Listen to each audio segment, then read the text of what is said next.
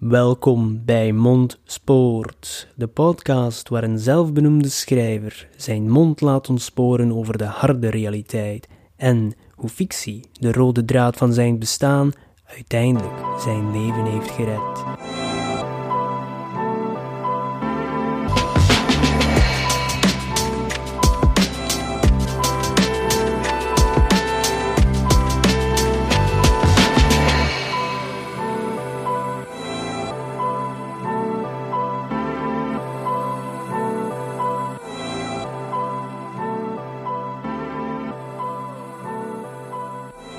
Hoi iedereen, welkom bij alweer een nieuwe aflevering van Mondspoort. Weer een week voorbij. Ik hoop dat jullie afgelopen week een goede was, maar dat deze veel beter wordt. En vandaag wilde ik eens praten over een onderwerp die mogelijk gevoelig kan liggen, en dat is namelijk labels en identiteiten kan een hot topic zijn, maar ik kom er met een respectvolle houding naartoe. En het is niet de bedoeling om labels te kleven of identiteiten te veroordelen. Het is gewoon mijn ervaring met labels en identiteit. De evolutie die ik eigenlijk heb doorlopen de afgelopen jaren, eigenlijk heel mijn leven. Ik kwam onlangs op een inzicht. Ik zeg, wow, dat is interessant. Eigenlijk toen ik jonger was, en ik denk zoals heel veel mensen, hechten we daar enorm veel belang aan, aan die identiteit en eigenlijk aan het horen bij, bij een bepaalde groep horen. Al is dat de sporters op school, de populaire, de skaters, de nerds. Uh, de ene wil bij een bepaalde groep horen, de andere liever niet. En zo zie je al dat dat voor verdeling kan zorgen. Het kan een gevoel van samenhorigheid opwekken, part of the group, wat al heel tof is. Maar je ziet dan ook dat er tussen verschillende groepen discussie kan ontstaan. Of zeggen, oh, de nerds, daar willen we niet bij horen, ik wil bij de populaire. En dan een paar jaar later waren nerds opeens cool. dus je ziet maar dat labels en identiteit soms wel beperkend kunnen zijn. Want we kunnen ook meer dan één ding zijn. En dat is eigenlijk een beetje waarover ik vandaag wilde praten. Want ik merk, hoe ouder ik word, hoe minder waarde ik hecht aan die identiteit waar ik eigenlijk Hans mijn leven naar op zoek was. Dat is zo ironisch, maar ook zo bevrijdend, dat ik nu zeg: Oké, ja, ik was Hans mijn leven op zoek om nergens bij te horen. Je moet ook weten, als je mijn situatie kent, en als je niet kent, zal ik kort uitleggen. Ik, mijn vader is van Pakistaanse afkomst, mijn moeder van Vlaamse afkomst. Dus daar zit je al met een mengeling van identiteiten. Hè? Waar horen we bij? Als je hier op straat loopt, in België, in Vlaanderen, moet ik eerlijk zijn, dan voel je nooit echt thuis. Je ziet ogen naar je kijken die dan soms veroordelen, ah, die is niet van hier. Maar zodra je mond opent, dan verschieten ze oei, ja, maar je spreekt geen Vlaams. Hm? Dat is dan uh, op Oostende. Ja, meneer of mevrouw, en waarschijnlijk beter dan u.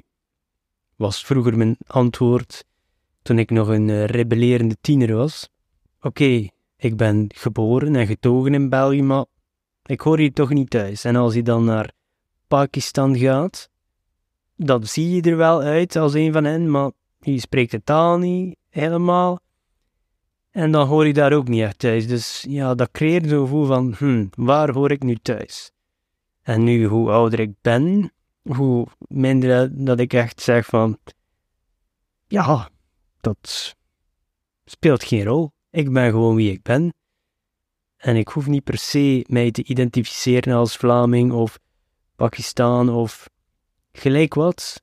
Zeg nu schrijver. Ik heb altijd al een boek willen schrijven en ik ging dat zo cool vinden om mezelf een schrijver te noemen. En nu, oké, ja, ik heb drie boeken geschreven of drie boeken gepubliceerd.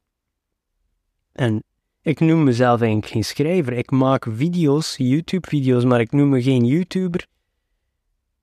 Uh, Oké, ja, dat zal wel in mijn sociale media bio staan, maar dat is ook gewoon omdat de mensen dan kunnen zien. Dat wekt interesse op en dan gaan ze misschien mijn podcast of YouTube-kanaal opzoeken. Dat zijn labels die ik me geef, gewoon dat andere mensen mij kunnen vinden. Maar voor mezelf gebruik ik dat eigenlijk niet. Dus die labels en die identiteiten en beperkingen. En eigenlijk heeft taal ook beperkingen is soms, want woorden schieten soms tekort bij het beschrijven van bepaalde gevoelens, zoals verliefd zijn. Omschrijf dat eens. Taal is een krachtig hulpmiddel, maar dat kan niet altijd de complexiteit van onze emoties vatten. Die labels, hè, zoals ik al zei, mijn Twitter-bio, kunnen nuttig zijn om onszelf en anderen beter te begrijpen, maar ze kunnen ook leiden tot stereotypering en vooroordelen. Je hebt de sociale identiteitstheorie, dat is ontwikkeld door Henry Tashveld, denk ik, en John Turner. Die theorie legt uit hoe we onszelf en anderen categoriseren op basis van sociale groepen. Hey, die categorisering, dat hokjesgedrag, dat kan problematisch zijn, omdat dat in veel gevallen kan leiden tot discriminatie en sociale ongelijkheid. Die stereotypen en zo, iedereen kent er wel genoeg. Ik moet eerlijk zijn, toen ik mij identificeerde met bepaalde groepen, ik heb bij heel veel groepen proberen te horen of gehoord. Dat kan ook. Je kan deel zijn van meerdere groepen. Het probleem is als je zelf daar te veel mee identificeert, en dat probleem had ik ook. Zodra mensen daar kritiek op hadden op die bepaalde groep, dan werd ik wat gevoelig en dan ga ik in de verdediging of soms zelfs in de aanval. Of ben ik dan uit om mijn gedrag aan te passen om het idee van de stereotype helemaal om te keren. Van, ja, ik hoor bij die groep, maar ik pas niet in dat stereotype imago. Dus zo begin je dat te overanalyseren. Ik ben toch zo? En ben je eigenlijk, ja, het noorden kwijt. Dus ik vond dat eigenlijk een bevrijding toen ik merkte dat ik minder en minder nood heb aan een label of mij te identificeren als schrijver. Mensen weten, ik heb geworsteld met alcoholverslaving, maar ik ga. Ik zie mezelf echt niet, en respect voor de mensen die daar iets aan hebben, maar ik zie mezelf niet binnen twintig jaar op een bijeenkomst zijn van hallo, ik ben Said en ik ben alcoholist. Dat is niet het eerste in mijn bio. Ja, ik heb dat meegemaakt, ik ben daar doorgesparteld. Je moet daar nog voor waakzaam zijn. Maar ga ik daaraan blijven vasthouden? Voor mij is dat niet productief, in tegendeel zelfs. Voor mij is dat een manier om verder te gaan. Als ik mij daar ga blijven mee identificeren, ik praat daar graag over, ik deel dat graag met mensen in de hoop dat anderen daar iets aan hebben, die er zelf mee worstelen. Maar ik heb niet de behoefte om dat overal als eerste te verkondigen. En ik ook, ga ook niet hallo, ik ben Said, ik ben schrijver. Nee, als dat in een conversatie naar boven komt, gelijk welke dingen die ik heb meegemaakt, dan kan ik daar gerust over praten. Maar dat is niet mijn identiteit. Ik koppel daar mijn zelfwaarde niet aan. Aan gelijk welke label. En ik merk dat die verminderde behoefte eigenlijk samenhangt met de persoonlijke groei die ik afgelopen jaren heb opgedaan. De zelfkennis, het opdoen van levenservaring. Ik voel me gewoon comfortabeler met mezelf en de vele aspecten van mijn leven zonder de noodzaak uh, eigenlijk om mezelf in hokjes te plaatsen. En dat heeft me geholpen om de complexiteit en de diversiteit van een menselijk bestaan te omarmen en te waarderen. We kunnen kijken naar iemand, we kunnen daar een label op plakken, schrijver, podcaster, bouwvakker, IT'er, maar we weten ook dat die mensen zoveel meer zijn dan net dat één enkele woord. Er zitten honderden verhalen achter al die mensen. Ik zal dan eerder nog vader en echtgenoot als eerste plaatsen in die label en misschien ook man. Dat is ook een gevaarlijk woord tegenwoordig, maar dat is misschien een aflevering voor een andere keer. Maar ik vind, als daar, daar meer ook over moeten praten, we praten heel veel over identiteit en het zoeken wie je bent. En geloof me, ik heb het heel veel gedaan. Zeker toen ik stopte met drinken. Hè. Zelfs voor het een probleem werd, dan, ja, je was altijd op feestjes, je was eh, de persoon die grapjes vertelde in de groep. En als je dat stopt, wie ben je dan nog? Wie, ben ik nog na alcohol, vroeg ik me af. Maar ik was nog altijd die persoon, ja. Ik deed een aantal zaken niet meer, maar ik was nog altijd mezelf.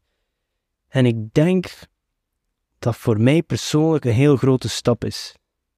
Uh, zelfacceptatie. Dat moeten we doen. En dat kan bijdragen aan ons welzijn en onze relaties met anderen. Als we minder gaan focussen op die labels.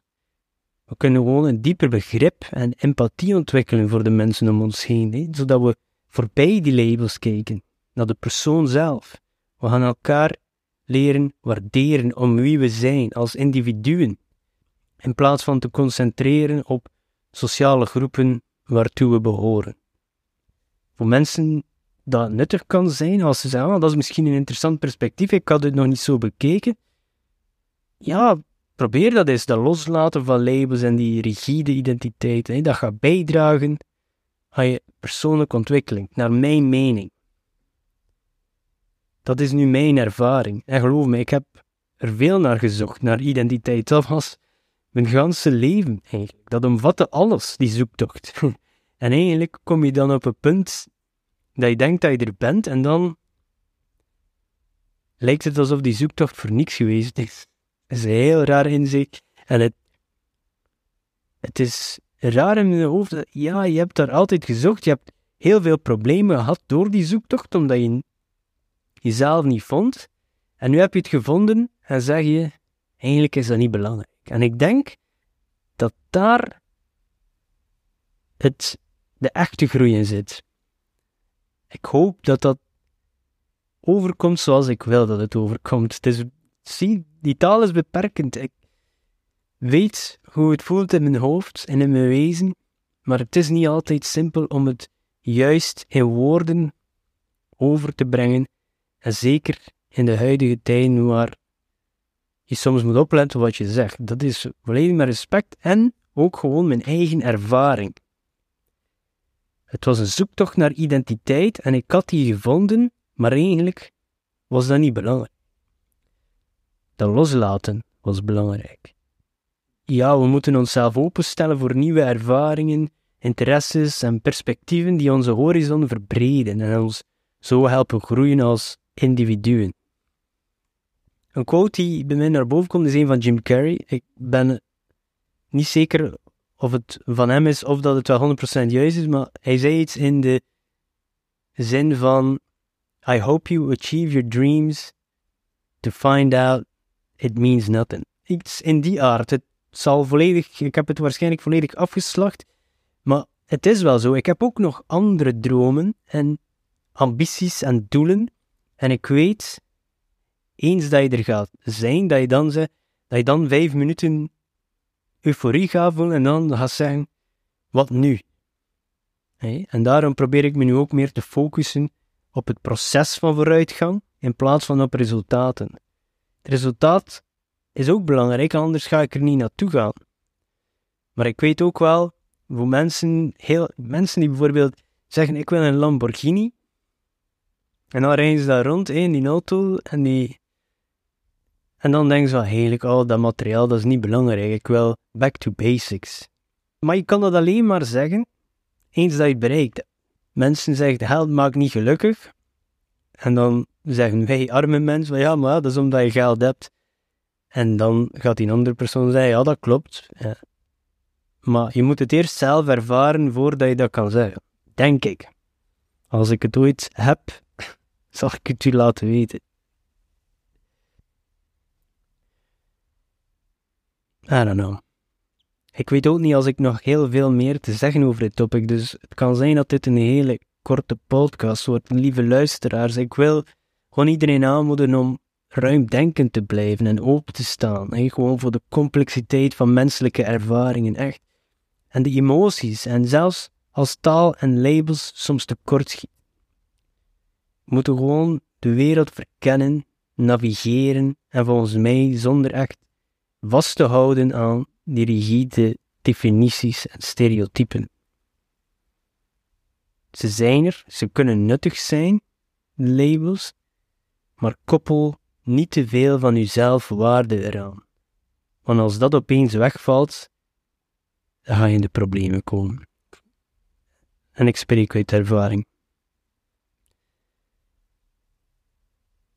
Um, ik denk dat ik het daarbij ga houden. Een korte podcast, maar ik hoop dat er iets van waarde in zat. En ik hoop dat ik niet Hans uw identiteit overhoop heb gehaald. En misschien kan ik er ook nog over bijleren als jullie een inzicht hebben. En zeg van, ja, maar daar heb je niet over gepraat of dat heb je vergeten. Stuur mij gerust een berichtje of stuur een mail naar monsport.gmail.com. Ik ben heel blij om jullie e-mails te lezen en te antwoorden, eventueel in een podcast of gewoon rechtstreeks naar u. Want ik zie ook niet alles, maar dat is gewoon mijn ervaring. En ik ben wel benieuwd naar andere mensen een ervaring met topics als deze. Dus ik wil jullie vooral bedanken om te luisteren. En ik hoop jullie volgende week weer te spreken in een nieuwe aflevering van Mondspoort. Wees niet te streng voor jezelf. Ciao.